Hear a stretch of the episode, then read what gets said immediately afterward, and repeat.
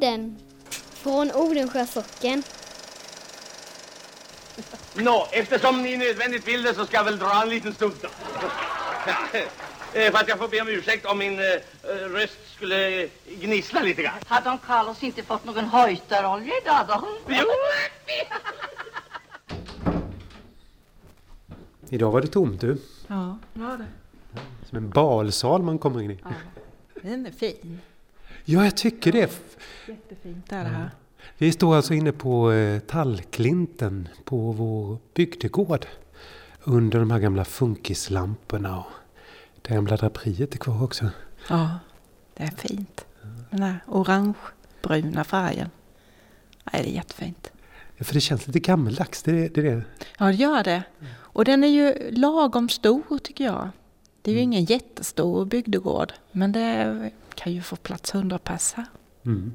Och den är ju ofta uthyrd också. Ja, det är den. Ska vi gå fram till scenen här? Alltså när jag var liten så var det här tomt. Det stod faktiskt öde minns jag när vi var små. Vi Så. gjorde det. Men var det inte ni som drog igång 4H här sen då? Ja, Det kan jag nog inte ta åt mig äran av. Men det fanns ju Men- fyra år sedan. Ja, det var ju 4H och sen blev ju det, hade de väl som JUF. Mm. Det fortsatte lite med det. För när jag flyttade hit, 89, då var det fortfarande JUF och där hade de ju någon festförening som hette Puts och Pus. Så där har jag varit på lite kalas här. Huts och pus. Ja. Eh. Vad De- betyder det? Ja, det... Om man vänder på det så. Det handlar om alkohol alltså. Ja. le- Det var glada fester, men väldigt roliga fester. Maskerader många gånger. Den salen vi står inne i och hela det här huset är byggt 1931. Vi, vi ska komma tillbaka till det för vi ska höra en berättelse om just det här huset. Hur det kom till. Men det har ju historia. Det har ju liksom innehållit livet i bygden sedan 1931. Alltså. Ja, och det var ungdomarna då som byggde det. Och de måste ju ha haft jätteroligt när de byggde det och, och liksom att de fick en samlingslokal där de kunde träffas och ja, ha dans och, och aktiviteter på olika sätt. För så mycket plats hade man ju inte på den tiden hemma faktiskt. När man, man tänker på det. Nej, det kan man ju inte ha haft. Jag tror man träffades ibland uppe i någon lada eller någonting sånt där. På någon loge eller någon som kanske lät någon, att man fick vara i någon stuga någonstans eller så. Så det här måste ju varit jätteroligt. För det var ju JUF som byggde den. Jordbrukarnas ungdomsförbund, Förbund. ja. Ja. Mycket riktigt. ja. Det står ju faktiskt på skylten utanför som är originalskylten sedan 1931. Ja. Det har ju varit sådana här svackor, det har varit uppgångar och det har varit nedgångar och ett tag så pratade man om att riva hela den här bygdegården. Eh, Det var nog när jag var liten för då minns jag att vi klättrade in genom dörrarna här bak. Och då var det helt tomt här inne alltså. Det var lite dammigt, det var lite övergivet. Och idag är det liksom en av de mest använda utrymmena i hela Odensjö socken kan jag tänka mig. Ja, det är massor med aktiviteter. De har yoga här ett par kvällar i veckan och, och sen är det pensionärsföreningen och ja, fester, privata fester, bröllop och allt möjligt. Det är, ja, jättetrevlig lokal är det. Och sen har vi ju ungdomslokalen där uppe. Det var ju också ett äventyr. Ja, det var det. Ja, Som vi blev, eller ungdomarna blev nominerade till ett pris för det va? ja precis. Det är Ullbagge. Ja. Ja, det var jättekul. Då var alla Odensjös ungdomar uppe i Stockholm och gick på Blå hallen. Ja, festligt det var. Det var Nobelfest alltså. Ja, vi fick följa med lite sådär. Vilken tur vi hade. Det var tur att de ungarna ordnade och Björn Lindestam ordnade så vi fick följa med. Precis. Nej, sen var det ju, när jag kom hit till Odensjö så då var det ju inte så här med kök och grejer. Det kom ju någon gång på, det byggdes ju på 90-talets mitt någon gång va? Utan då var det ju bara ett litet, litet kök. Och jag tror att vi hämtade vatten ute i brunnen. Det fanns inte, jag tror inte det var indraget vatten. Och utedass var det ju. Mm. Ja, så minns jag det också. En gammal järnugn var det här ute tror jag. Ja, men jag tror det fanns någon eh, vanlig spis också, alltså elspis. Mm. Men så var det ju bara gamla udda koppar och porslin och sånt där och så fick man värma vatten och diska och, och när man skulle ha något kalas fick man ju se till att städa lite innan då. Inte efter utan innan. Nej, precis. Det hade varit lite möss och annat som trivdes att gå in här. Och där vi nu har ett väldigt tjusigt möbelförråd, där minns jag, där var ju ett projektorrum. För det har ju varit en bio här inne också. Ja, kommer det folk. Mamma har varit med om det. Hon ska, hon ska berätta om det sen. Alltså mitt starkaste minne här, det är faktiskt, jag tror jag dansade min första tryckare här. Gjorde det? Va? Ja, det var discoljus här då. Vi hade discoanläggning här så det blinkade så över bygdegårdens golv. Nej, häftigt. Nu kommer Reimer. Nu kommer Reimer. Och jag har ett svagt minne av att jag också gjorde en av mina största, första framstötar här uppe också. Oj, oj, oj. Med Katarina tror jag hon heter. Oj, oj, oj. Jag ska inte säga mer, men det var spännande det minns jag. Så det är väldigt Vad bra att det fanns sådana här platser. Och att det finns det ute på landet. Att det finns platser för, för folk att träffas. Och idag tänkte vi alltså ta oss tillbaks i, i berättelsen om huset kom till. Eh, Det är Gunnar Jönsson och det är min mamma som är död nu, som Stina Hemström som var med och jobbade en hel del, precis som många andra med renoveringen här som, som berättar om det här. Det finns en film faktiskt. Ja, Som man kan se. precis. Ja. På Youtube har vi en liten film om man vill se bilder också men det här är liksom rösterna som berättar historien om, om Dallklinten då. Det är ju roligt att de, där, alltså att de rösterna finns kvar. Som din mamma, att hon då, att du har spelade in henne en gång och hon berättade om sina minnen. Jag minns ju bland annat det när hon berättade om när hon var på bio här. Mm. Det är ju jätteroligt, men ska vi inte berätta det i förväg. ja. Men eh, det är ju så viktigt Ja. att de där rösterna finns kvar. Det är faktiskt min anledning. Vi har ju inte kommit med en podd nu på länge. Det är inte på, inte på dig utan på mig. För min moster dog ju nyligen. Så jag har suttit väldigt mycket med, med gamla bilder och band och upptäckt att jag hade spelat in henne för tio år sedan. Och samtidigt då gått igenom hennes fotoalbum och skrivit upp namn och så. Och det är jag ju så ohejdat glad för, kommer jag på när jag ser det nu. Att vi faktiskt gjorde det medan hon var frisk. Tänker jag. Ja, det är jättebra. Jag menar, det kan man ju uppmana alla till att ta tag i det. Ta det där albumet och sätta sig med sin mamma eller mormor eller pappa eller vem, någon gammal anhörig och, och Mm. prata igenom det. Eller man själv kan ju faktiskt sätta sig och på de där bilder man har så skriver man lite till dem. Vad det är för någonting, kanske någon berättelse. Jag har ett jättefint album hemma som min morfar gjorde. När han har- tog ett antal foton och så, så har han skrivit liksom små historier kring de där fotona då och berättar om. Och han, han är väldigt duktig på att berätta och, och rolig och till att skriva sådär så att ja det känns precis som att han sitter där igen och, och berättar de där historierna. Han sitter bredvid liksom. Ja, det gör han. han är, jo. Och så, så på det viset så kan det ju vara bra att den som minns själv liksom sätter ord på det. Ja, det är mycket roligare på det viset. Det är Ja. jätteroligt. Och så tror man man ska komma ihåg allting ändå, så gör man ju inte det. Det är ju helt uppenbart att man inte gör när man tittar. Man glömmer. Ja. Man har hört så många historier och sen när man försöker komma ihåg, ja, men hur var det nu igen? Så är det borta.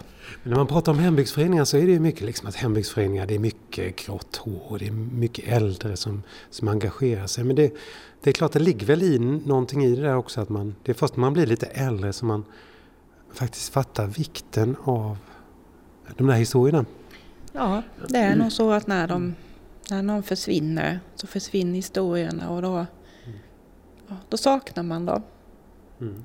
Och de påminner ju om ens, kanske om ens liv eller ens barndom eller så. Och äh, saker man har hört och, och ens det som fanns innan. Så det tror jag nog, kan nog vara det att när man blir äldre så, Mm. så händer det ju lite oftare kanske än när man var ung. Och när man trodde, tänkte att man var odödlig. Precis, Ja. kommer aldrig att dö. Nej, precis. Aldrig någonsin kommer jag att försvinna. Nej, precis. Och jag kommer inte glömma någonting. Och då hade man ju väldigt bra minne också. Mm. Men det är, det är ju därför vi gör den här podden också, tänker jag delvis. För att vi, vi ska bara vara de här rösterna. Och det, om ni inte visste det redan så kan ni faktiskt ladda ner de här poddarna om ni går in på vår hemsida eller på Soundcloud eller på några av de här andra tjänsterna. Då finns det en sån ladda ner-knapp. Och då får man en fil hem och den kan man faktiskt spara på datorn om man tycker det är något som är viktigt eller någon person man vill ha med sig. Liksom. Lägg den på en hårddisk om ni har dator och så. Det är faktiskt inte... Det är tips från mig. Ja, precis. Sprida det. Men du, det var tallklinten det skulle handla om. Ska vi ta och lyssna på när Gunnar och Stina berättar om historien om tallklinten? Och vi kan väl skicka med också att om ni vill liksom hyra den här lokalen eller är intresserade av att veta mer så finns det en hemsida. Eller hur? Ja, tallklinten.se. Och där finns det telefonnummer att ringa. Det är ju ett jättefint engagemang i den här föreningen också. Man har ju jourgrupper. Alltså det, föreningen driver ju det här helt själva och ideellt. Så ringer man det där telefonnumret så kommer man till en Odensjöbo. Och så har de bokningslistan där och kan tala om om det är ledigt och sådär. Inga sådana här man ska knappa in ett nummer eller så utan det är rakt av service, alltså på plats kan man säga. Precis. Men nu ska vi lyssna i alla fall på Gunnar Jönsson och Stina Hemström som berättar om historien bakom det här huset, Tallklinten.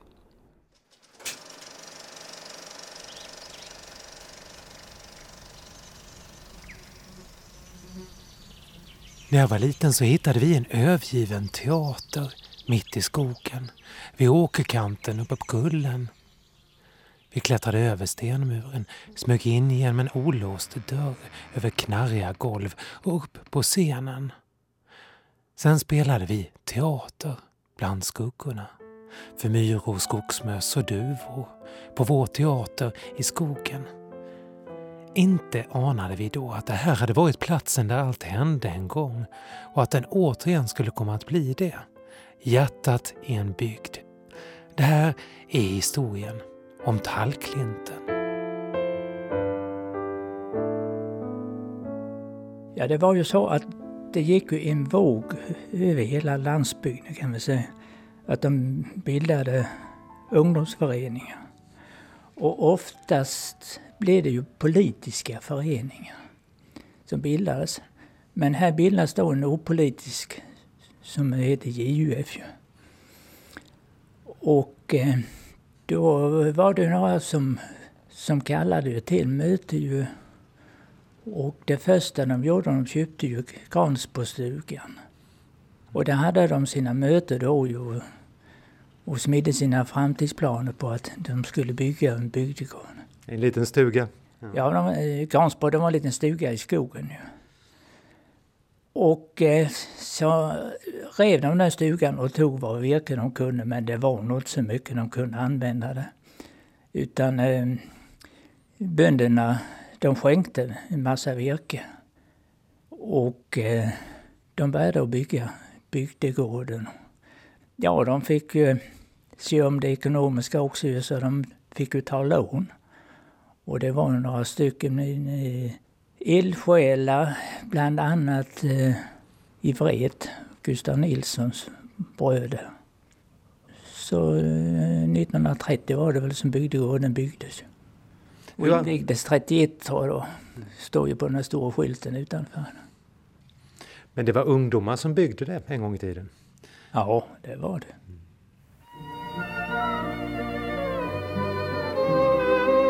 Det var ju alltid julfest.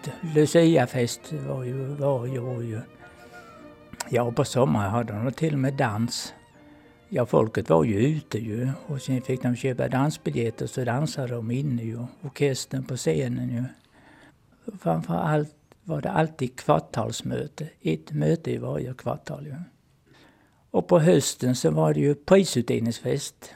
Det var ju något alldeles särskilt viktigt. De hade ju eh, ha tävlingar då under sommarhalvåret ju. Grönsaksodling och plöjningstävlan och mjölkningstävlan och allt möjligt. Och så var det då prisutdelningen. Då brukade ju en, en sån där farbror, eller prästen eller kantorn eller någon, stå för prisutdelningen. Så det, det var ju en högtid. 1956 då kunde man också se Odensjö teateramatörer framföra föreställningen Moster Fina bli kär. På scenen stod bland annat Nisse på Nydala. Men i alla fall så gick det ut på det att Konstan var en, en eh, förmögen eh, ensam kvinna och Kurt han var ju en sån där en liten original. Jag var svensk-amerikan. Det slutade med att Konstan, det blev hon och, och Kurt. och allting rättade till sig. Det slutade lyckligt och vi var ute i 20, 22 gånger var vi ute med denna. Vi hade så skoj, så skoj. Jaha, det är länge sedan. Ja. Men Tallklinten var också ett biopalats. För länge sedan, jag tror det var slutet på 40-talet, början på 50 kanske, då var jag på bio på Tallklinten. Och då hade man satt ut långbänkar. Men den gången såg jag Klockan klämta för dig med Ingrid Bergman. Och den var i sju delar. Och jag kommer ihåg att vi såg nog del ett och två och tre och sen måste de byta rullen på något vis. Och då visade de istället slutet mitt i. Och det var väldigt roligt för sen såg vi de andra delarna också. Men det var ett minne för livet. Så klockan klämta för dig har jag sett på Tallklinten. På långbänkar där. Och det var fantastiskt roligt. Man satt där och högtidligt och inväntade att de skulle mm, köra igång med, med filmförevisningen. Det var ett litet filmrum där vi idag har eh, bord och stolar. Där var ett litet rum som man bara kom till om man kom, gick utifrån. Jaha, det byggdes ett särskilt biografrum vid sidan om, på högra sidan på Tallklinten. Därför att eh, filmapparaterna då, de var ju illfarliga. Så det, det var ett säkert reveterat rum. Och eh, bara ett litet hål då som eh, filmapparaten stack ut igenom. 1947 så kunde publiken njuta av filmklassikern Jolanta, den jäckande suggan, med Tor Modén. Eh, fast jag får be om ursäkt om min eh, röst skulle gnissla lite grann. Har Don Carlos inte fått någon höjtarolja idag då? Jo! Hur såg det ut en vanlig filmkväll och var det mycket folk? Ja, de här gamla träbänkarna som det finns lite kvar av nere i Himmelsbergen. De gjordes ju när bygdegården byggdes. När det var fullt där då tyckte man väl det var bra så det var väl 70-80 personer kanske. det var fullt. Det var, mm, alla ville gå dit. Men jag kommer inte ihåg om det kostade någonting, men det gjorde det nog. Jo, det gjorde det för det fanns en liten biljettlucka innanför dörren till vänster. Och um, där hade de biljettlucka och man fick en liten gul eller rosa biljett. Man betalade. Fint.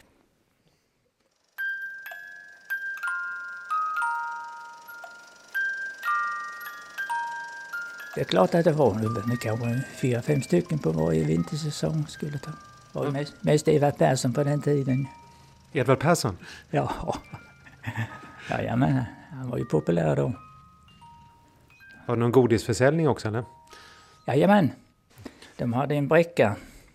En stor träbricka med kanter på och eh, hängsle. Så de gick bland publiken och sålde godisen. det stämmer det ja.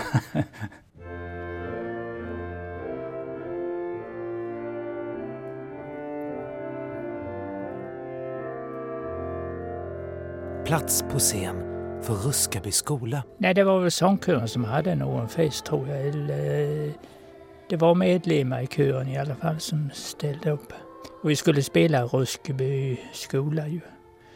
Och Emmy var ju given lärarinna ju.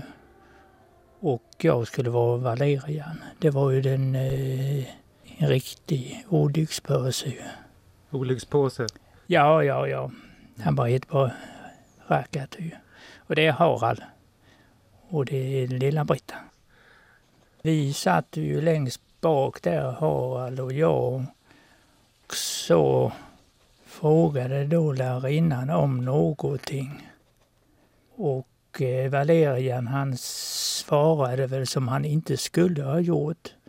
Så lärarinnan blev ju ilsk och ryckte upp Valerian från stolen ju. Och eh, tittade honom riktigt i ögonen och sen gav hon honom en örfil som han inte var beredd på. Så han snurrade ju runt och blev liggandes på golvet. Där. Så då trodde nästan han tuppade av. Hon tog tillfället i akt där riktigt. Slog hon på riktigt alltså? Hon slog hårt ja. Det var väl så att jag hade inte alltid varit så snäll med henne kanske så hon tog tillfället. Hon ser väldigt sträng ut.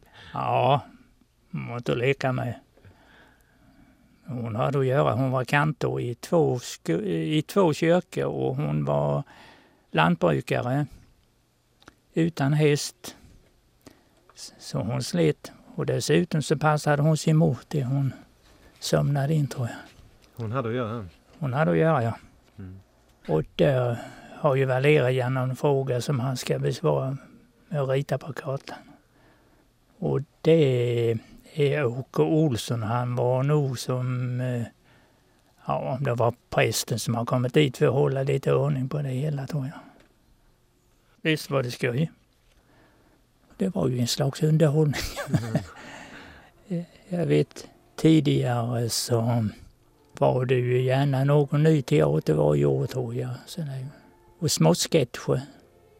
Jag minns till och med Arne Röselt var med och spelade på Slipstenen och de körde, alltså Skärslipan hette den för den eh, sketchen.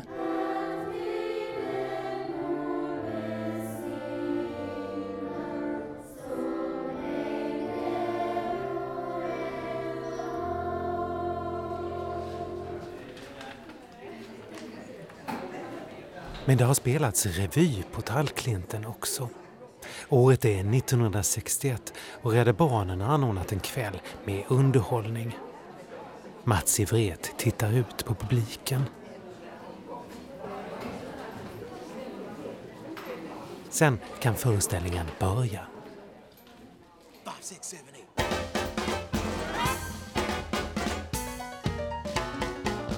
Vad som sades just här när Åke Pil och Lill-Gunnar gjorde entré i en scen tillsammans med Lennart i Moanäs, det är det ingen som riktigt kan komma ihåg. Men det röktes cigaretter i alla fall och lästes tidning. Och sen blev det hårda tag med Mats i Vret. Men två av aktörerna den gången, Britt-Marie Wret och Lennart Moanes, minns den här intima sängkammarscenen på Tallklintens scen. ja, det är en sketch. Där ligger ju Lennart i och sen i den sängen ligger jag, fast det syns ju inte där. Och sen um, men jag kommer ju tyvärr inte ihåg hur, hur det började, men det var i alla fall, han var direktör och jag var sekreterare och um, vi var på någon sorts, eh, ja vad kan det varit, någon konferens såklart. Och jag var tydligen då som sekreterare väldigt angelägen om att få dela rum med direktören. Men hur detta, alltså jag vet bara att jag höll på och chattade att vi skulle dela säng då, det var, det var ju det det gick ut på. Men um, hur jag sa det kommer jag ju inte ihåg mer än att eh, han svarade att tig kärring och kryp ner och lägg dig. Alltså, det var någonting i den stilen. Har du hört Britt-Maries version? Ja, du får ge din. jo, vi skulle spela en sketch och det var ju rätt kort. Och uh, så sa hon att uh, ja, nu är vi här, vi kan väl ligga i samma säng. Nej, Lägg du i din och tig och håll käften nu. Ja, ni ska, hon, hon ville ha någon romans med dig, sa hon ja, men. Ja. Du väntar på att bli förförd med andra ord alltså? Mm. Ja. Det blev nobben alltså? Det blev fullständigt nobben. Han var inte alls intresserad.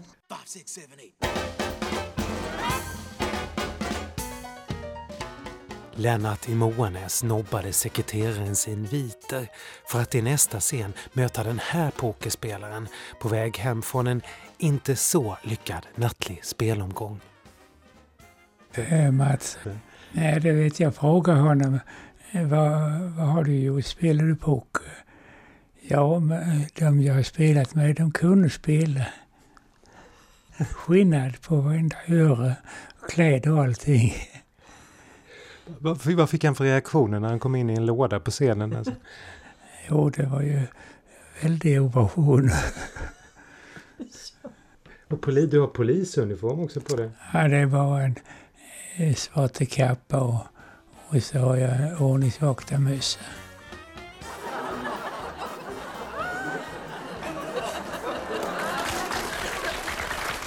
Oj, oj. Ja, kära vänner, där har vi ju Mats och Lennart och jag och Åke Pil och Britta, eh, Lilla-Britta som vi sa, och Birgitta på Karlsdal och Gunna, Lill-Gunna och Gunnel och Astrid. ja.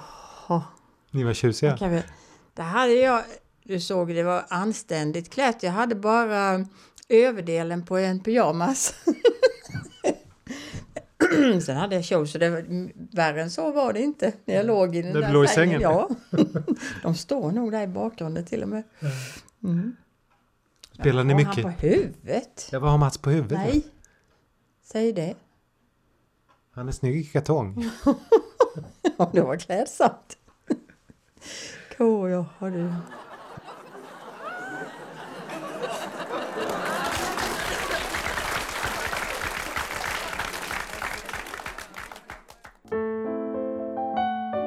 Det blir mindre och mindre ungdom på landsbygden.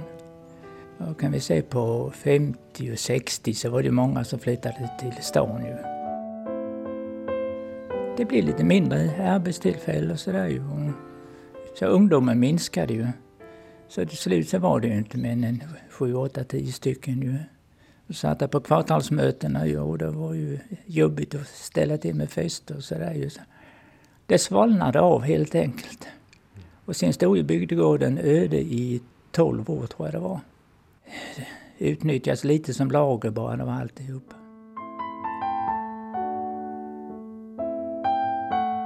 Taggklinten var förfallet och eh, omodernt. Och eh, kunde egentligen inte användas till så värst mycket. Det var ju det var inget kök ordentligt, det var bara en, jo det var spis men, och det var vatten inne. Men eh, inte varmvatten eller så. Och det var ju utedass. Det gick alltså inte att använda. Och antingen skulle tallklinten fortsätta att förfalla och vi kunde inte använda den till någonting. Eller så skulle vi försöka att få till medel, pengar ifrån eh, kommun. Det var grunden, att vi skulle få en del pengar och sen ideellt arbete. Och det var omkring 92-93. Och så fanns det ett förslag att det skulle byggas mycket och stort. Och förskola och dagis och hela köret. Och det andra var att vi skulle bygga ut så att det blev praktiskt att man kunde hyra ut och att man kunde använda det här i, i eh, bygden. Och att vi skulle naturligtvis ha toaletter inne. Och då bestämdes det på ett möte, församlingshemmet, vi, vi skulle renovera på ett vettigt sätt och vi sökte pengar. Och efter många om och men fick vi, jag tror det var omkring 800 000. Men vi, det var med eh, det villkoret att vi skulle göra det färdigt på ett år. Detta var 90, när allting hade gått igenom med pengar så var detta omkring 90, 93, 94. Och vi, vi antog den utmaningen, men det var ju ideellt arbete som skulle till. Och det blev det.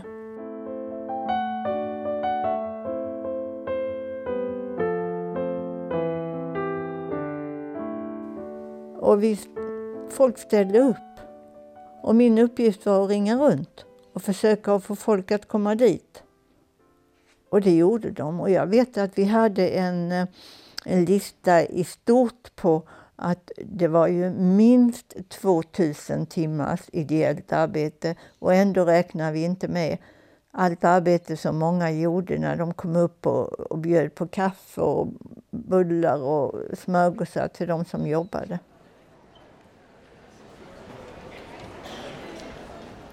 Då, när vi skulle ha invigning och vi allihopa var eh, spända av förväntan så skulle vi eh, naturligtvis ha lite uppträde på scenen. på denna vackra scen där vi då fick eh, gjort i ordning draperiet som var från gamla tiden. Och det blev så fint och hänger där fortfarande. Då gjorde vi så att um, vi ville då rekonstruera vad som hade hänt med tallklinten från början. Nej, jag bara minns så väl eh, Stina. Hon var ju med i svängen då ju. Och de hade gjort en, en gammal WC-bänk som hon satt på där på scenen skulle föreställa hur det var för med uteveset. sådär. Jag satt på ett utedass som vi hade då um, ja, gjort. Någon hade snickrat ihop det och då satt jag där med eh, gamla byxor neddragna och så. Och så läste jag till ifrån, om tallkvintens historia. Och så efterhand som jag läste så uppträdde då olika utav de som hade varit med och jobbat på tallkvinten. Och så visade de i handlingar då på scenen. Och vi hade fruktansvärt roligt själva. Och Stig han gick där med sopkvast. Det var det enda han gjorde på kvällen. Så gick han där med sopkvast och svängde lite grann. Och det var precis vad han hade gjort innan när vi renoverade. Han, han stod för städningen. Varje kväll så gick han och sopade upp. Sen hade vi bjudit in alla som hade haft någonting med detta att göra. Eh, Metallklintens tillkomst med hjälp av arbete eller de hade skänkt virke eller ja, hjälpt till på alla sätt och vis. Vi var hela tiden lite fundersamma om vi gjorde rätt men, men vi rodde det i land med hjälp av alla människor runt omkring. Ja, det är sånt där som man kommer ihåg. Det var mycket arbete. Det var mycket arbete, ja. ja.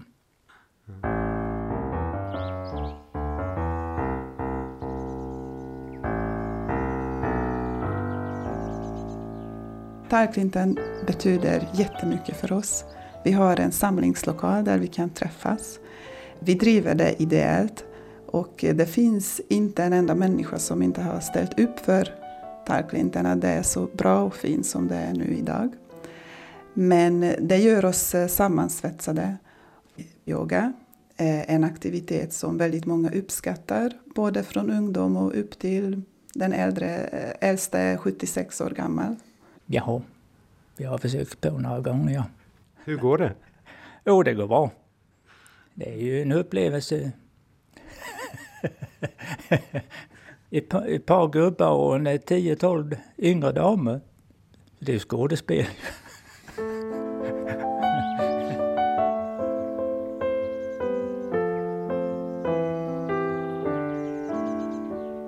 kalasas en del också? Ja, det är naturligtvis. Det är ju många privata fester. Det är ju födelsedagskalas och det är bröllop. Föreningar har eh, middagar och årsjubileum och lite allt möjligt. Och eh, vi hela tiden försöker ehm, modernisera bit för bit och renovera lite för att göra det ännu bättre och ännu mer eh, attraktivt. För vi har väldigt många olika möjligheter att erbjuda. Varje årsmöte så blir man förvånad när man hör redogörelsen och det har varit uthyrt nästan var tredje kväll året runt. Så det, man kunde ju inte tro att bygdegården skulle användas så mycket. Hur ser framtiden ut tror du?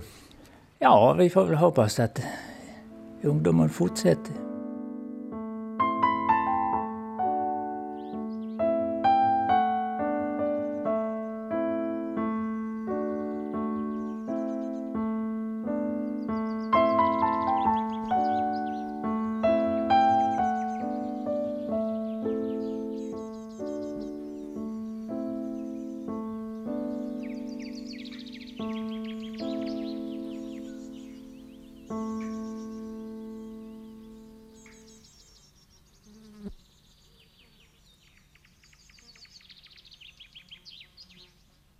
Det var ju för väl att det renoverades ändå, tänker jag. Ja, verkligen. Så att vi liksom har möjlighet att ordna sådana här saker.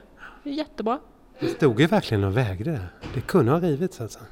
Ja, det tror jag nog. I alla fall var det ju ingen, som, ingen förening som hade tid och möjlighet och ork att driva det. Och det behövdes ju göras en massa. Så det var väl bra att det blev en bygdegård då, för det var ju först då som det blev det. Hej! Nu kommer det mycket folk. Ja, det är rätt varmt. Vi håller på att göra en podd. Kan inte du presentera dig också? Bara? Jo, jag heter Anette Rydén och har bott här sedan 1982. Alltid känns det som, men det är det ju inte. Nej, det känns nästan så alltid. Men det är trevligt, jag trivs bra här. Berätta, vad ska hända imorgon? Vi har medicinsk yoga och sen har vi vanlig poweryoga. Och på tisdag likadant. Hur ofta har ni det då? Varje vecka. Hur är intresset? eh? Stort! När det- När vi började så var vi kanske var vi 8, 9, nu är vi 40. Det är bra! 40 personer en gång i veckan. 40 stycken kör vi runt måndag och tisdag ja. Men då är det plats för fler eller? Nej. det är fullt, maxat, då får vi bygga ut. Men det är väldigt, det är, det är fantastiskt kul att det har blivit sånt stort intresse. Just för hälsa och alla fantastiska saker man uppnår med yogan har ju nått fram till människor. Så att jag märker ju det, även de som har problem. Särskilt medicinsk yoga, den är ju lite mjukare och lite mer meditativ och den hjälper ju så bra. Och den andra är ju för de som är bara tränar vanligt. Du, vi har faktiskt berättat om våra, vi hade några minnen härifrån. Har du något sånt här minne du kommer från Tallklinten? Vad ska vi då ta? Vi har ju mycket att plocka av här. Ett minne som vi har gemensamt. Graviditetsdansen. Ja, precis. Just Va? det. Eh, Graviditetsdans? Ja, babyboomen drabbade Odensjös glesbygd. Eh, Tolv mammor blev gravida och bestämde sig i all hast, eh, när de var lite lättare till vikten då, att vi ska göra en julbasar, kabaré. Men tiden gick och vi blev större och större. och framtunga och dana. Men vi gav oss inte utan vi gjorde tipptapp tomtarna där vi dansade utklädda i tomtedräkter. Varvid en av tomtarna fick åka hastigt till akuten och föda sitt barn. Gravida tomtar alltså? Den, den tomten var jag. Dagen efter föddes Simon. Simon, man kan säga att Simon liksom kom, fick fart här på Tallklinten alltså. Det var tipptappsdansens fel. Eller fel och fel. Men det var kul. Om Simon, om du hör det här så vet du att det är Tallklinten som du har att tacka för att du kom fram så raskt. Ja, grötfesten. Men det har varit många kabaréer på den här scenen också. Ja. Ja, och ni var ju jätteduktiga med barnen och hade teater och sånt där. Det var ju fruktansvärt roliga Vi, vi hade ju, det började ju med 4H då, huvud, hjärta, hand, hälsa, det har, eh, så de känner de flesta till. Och de hade ju mycket med julspel här, det vet ju säkert du med. Men sen så mattades det ut, folk flyttade och ungdomar började studera annanstans och sen kom den här nya vågen av nya små barn. Och så tyckte vi mammor då efter vår tomteparad att det här var ju jättekul så nu fortsätter vi. Så vi gjorde julfester här och det växte. Till sist var det liksom en hel show. Vi snackar inte bara gröt och mackor, vi snackar en timmes föreställning med ridå upp och ridå, ridå ner. Alla engagerades, till och med föräldrar hängde i taket och låtsades snöa och någon var renen Rudolf. Och det var väldigt jättekul och sen vet jag inte vad som hände. Barnen blev större och flyttade och mammorna blev tröttare. Och nu väntar vi på nästa generation som ska ta tag i det här. Ja, eller hur? Det var lite att leva upp till alltså. Ja, vi har mycket där som ska levas upp till. Men det är så kul med just med sammanhållningen för det växer ju på ett sånt här ställe med allt man gör. Även yogan eller andra saker, dans, pysselkvällar, julbasar, påskbasar. Det är ju det som håller igång hela byn och alla liksom lever för det. Och jag tycker det växer, det blir större och större julbasar. Innan var det här på Tallklinten, nu är det hela byn, ända ner till hembygdsparken. Eller hur? Va? Det är liksom som att åka till Tyskland på julbasar, det är en halv stad. Det är kul, nu ska vi hitta på någonting för midsommar också, tycker jag. Lite mer midsommar. Ännu mer på midsommar. Ja, lite mer på sommaraktiviteter. Alltså, vi har ju den stora sommarfesten naturligtvis, med all respekt. Men jag tycker det ska kunna finnas lite mer, lite mer tillfälle till kaféer som är öppna, lite kaffe och sånt Mm. mitt på. Det är så många som frågar. Här är ju en sån fin metropol just att komma till. Liksom Broadway och eh, kaffemetropol kan det bli då sen. Ja, just det.